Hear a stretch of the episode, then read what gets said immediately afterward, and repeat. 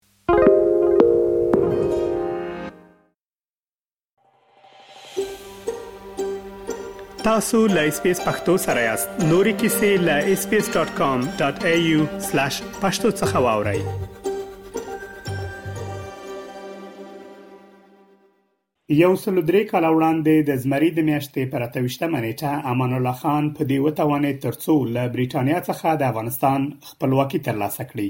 د افغانستان د خپلواکۍ په مناسبت د استرالیا په یو شمېر ښارونو لکه ملبورن، اډلیډ او کانبرا ښارونو کې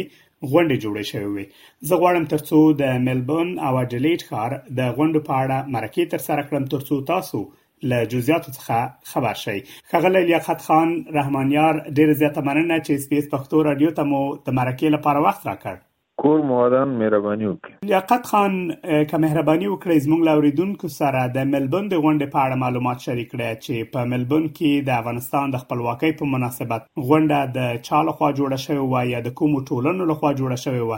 او په دغه غونډه کې څومره کسانو ګډون کړی و بسم الله الرحمن الرحیم اول خو تاسو ټول ته سلامونه وړاندې کوم او د اس بي اس پښتو اوریدونکو ته هم د خپلواکۍ د ورځې غونډه په 19 د اگست جوړه شوې وه چې له غونډې مخکې موږ د افغانستان ملي درې رنګه بیرغ د ډنډینون کونسل مخې ته اوچت کړ چې په دې کې مشرانو کشرانو ځوانانو د مختلفو ټولنو او په عموما افغانانو پکې برخه اخیستې وله بیا له دې وروسته په ماښام کې د خپلواکۍ د ورځې پروګرام وو خو دغه پروګرام چې دی د مختلفو ټولنو لخوا ترتیب شوی و خو عموما کې هر کال دا د بشر دوستانو ټولنه کوي چې مشري یې اشنا صاحب کوي نور محمد اشنا صاحب نو په دې کې مختلفو ټولنو ونډه اخیستې وله په دې پروګرام کې او یو ځای مو دا پروګرام مخته یوړ نو دغه پروګرام کې شاوخوا څلور سو کسان کسانو برخه اخیستې وله چې په دې کې ځوانان کوچنیان خویندې ورونه ټول شامل ول ښاغلی لیاقت خان د خپلواکۍ په مناسبت د غونډې د جوړولو دغه فکر څرنګه رامنځته شو ستاسو او د نورو ټولنو ترمنځ آیا د دې لپاره چې هر کال په ملبون کې لمانځل کېده په همدې دلیل سره سکال هم ولمانځل شو او که داسې کوم بل خاص دلیل هم و چې باید دغه ورځ ولمانځل شي دا خو داسې ده چې دلته هر کال لمانځل کیږي په ملبون کې د اخترونو همدارنګه غونډې ورسره د خپلواکۍ دی ورځي هر کال منځل کیږي ولې سکال منځل تر ټولو ډیر مهم وو خصوصا د افغانستان درې رنګه بیرغ راپول چې په افغانستان کې فعلا حکوم فعلا چې کوم کوم ډله حاکمه سوي ده هغه ملي بیرغ ته پوره درناوی نه لري څه کسان په مختلفو ولایتونو کې وشتلي هم دي په مرمیو باندې چا سره چې د افغانستان درې رنګ ملي بیرغ نو عموما کې په ټوله نړۍ کې افغانانو د درې رنګ بیرغ پورته کړ او موږ هم همداسې وکړ د بیرغ د تیرو کلونو د ملي بیرغ په کې ډیر زیات ورپېدو یعنی ډیر زیات زیات خلکو سره او په دې خاطر چې دا مونږ خو چې د افغانستان درې رنګ ملي بیرغ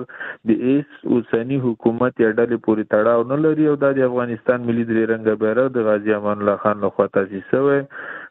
او دا به ان شاء الله تعالی دوام لري ښاغلی لیاقت خان آیا دغه غونډه د افغانستان له سفارت سره چې په استرالیا کې د افغانستان کوم سفارت ده آیا لغه سره په همغږی سره دا غونډه جوړه شوې و که اصلا له سفارت سره تاسو هیڅ کوم خاص ارتباط د دې غونډې په تړاو نه درلوده دا غونډه د سفارت سره هیڅ کوم اړیکه نه لري موږ ټول افغانانی که سفارت دی هم دی افغانانو دی او که دلته ټولنې میشتې ټولنې دي هم ټول افغانان دي دا د هر افغان حق دی چې خپل درې رنګه ملي بیرغ پورته کړي او د خپلواکۍ ورځ په ویاړ سره ولمانځي همداسې د هیواد په نور د استرالیا هیواد په نورو برخو کې هم دا پروګرام لمانځل شوی لکه اډیلیډ سونیو کاسل او داسې نور ځینو او همدارنګه په ملبورن کې هم د یو شمېر ټولنو سره په ګډه دغه پروګرام ولمنځي چې مختلف غونډې پکې اخیستې وي او لیاقت خان که د دغه غونډې د لګښت په اړه هم زموږ لاوریدونکو سره معلومات شریک کړي چې د دې غونډې لګښت د کومې خاصې ټولنې لخوا ورکړل شو که همدغه عام افغانانو خپل پیسې راغونډې کړې وي او دغه غونډه جوړه کړې وي دغه پروګرامونه موږ اکثره چې کله دا پروګرامونه نیسو په دې کې یو شمېر تجارتونه وي د تجارتونو استازي خصوصا افغان تجارتونه لکه مثلا هلو ورلد اینډ نونګسو یا همداسې ایل جی هوکر یا همداسې نور په دې کې بیا یوه اندازه پیسې د حکومت لخوا لکه په دغه غونډه کې د سټیټ حکومت لخوا ایالتي حکومت لخوا نه ورکول شوي وي یو اندازه چې د شاوخوا ځوانانو مشرانو سره یو ځای کړی وي نو دغه غونډه چې کله جوړیږي په دې کې مختلف مختلف ډولونه مرستې شاملي خو په دې کې به د ټولنې مشر چې دا هغه ډیر رول لري ځکه چې هغه دا هڅه کوي چې د پروګرام لپاره مکمل پیسې راغونډي کی نو خاغلی دور محمد اشنا صاحب محترم چې دی بشر دوستانو ټولنې مشر د همکاري کړي او ونډه کې اخیستې و د دغه کوشش یې کړی چې د دغه تجارتونو او همدارنګه د ایالتي حکومت څخه یو څه ونډه پکې راوخلی او فعلا چې کوم فلایر موږ نشر کړو پاغي کې ټول تجارتونه شوم یعنی شامل دي کوم چې پکې مرسته کړې وله هغه لیاقت خان رحمانیار له تاسو نه ډیره زیاته مننه چې دغه مهم معلومات مو زموږ لاوریدونکو سره شریک کړه کور مو ودان خیر وسیم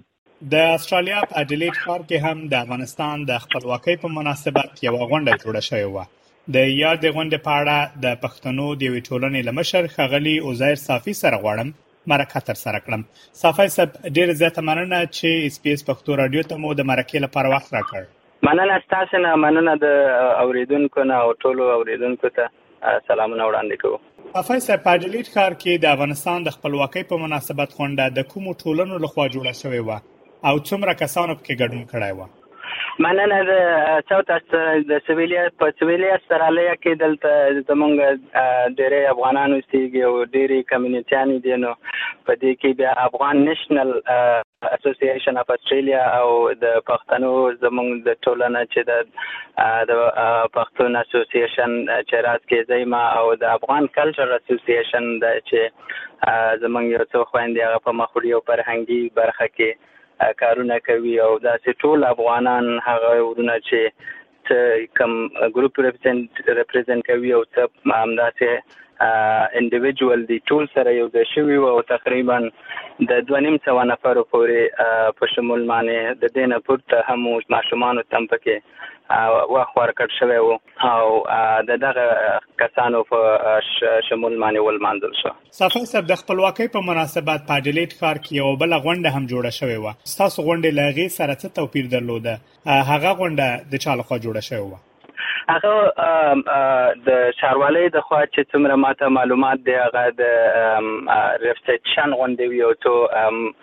مشخصو خلکو ته به پکې هغه ورکړیو د ریسپشن انویټیشن او هغه ورکړیو او دا زمونږ ټو ټولنو چې د کړي ودا د ولست لپاره د خپل خلکو لپاره او یو هغې کړی و یو اقدام یې کړی و چې د خپلو خلکو راټولېدنه په دې کې مهمه ده نو ټولو ته پکې حق ورکړی و ان تر دې چې د ماشومانو پورې او ټول ولس پکې برخه اخیستې وه ته چې په ساوت استرالیا کې اوسېږي د وات پنځه ورځو نه اخوا ته موږ میټنګ لري درلودو د هغې نه بعد موږ پوسټرې په میډیا باندې ریلیز کړل او هغه ټول چا سره چې پیژنو هغه ټول ته انویټیشن او هغه ورکړو چې راشي او برخه پکې واخلي صافی صاحب دغه غونډه چې تاسو په اډلیډ کار کې جوړه کړې و او په غي کې تاسو ویل چې شاوخوا 2.5 کسانو برخه اخیسته و آیا دغه غونډه تاسو د افغانستان کوم سفارت چې په استرالیا کې د لهغي سره مو په همغږي جوړه کړې و که یا هغوی سره مو اړیکه درلوده هغوی مو هم خبر کړي و یا د هغوی کوم نماینده هم پکې ګډون کړی و او که نه نه د هغه سره زما په هغه باندې په معلوماتو باندې تماس نو شوه او مونږه د خپل افغاني او غرور او احساس لمخې د غرا پورته شوی او وم لمنځله په دې کې د ساوث استرالیا د سټیټ ګورنمنت خلکو ته انویټیشن ورکړی نور اورګنایزیشن وی څوک چې د افغان ایواکو ویزه او د رفیوجي لپاره سرویسونه او خدمتونه مخې ته وړي او خدمتونه یې کړي دي هغوی ته هم پکې بلنه ورکړې وه نوي راغلي ورونه ټول پکې وو نو د سټیټ ګورنمنټ دا پکې غټه لاسته راوړنه د د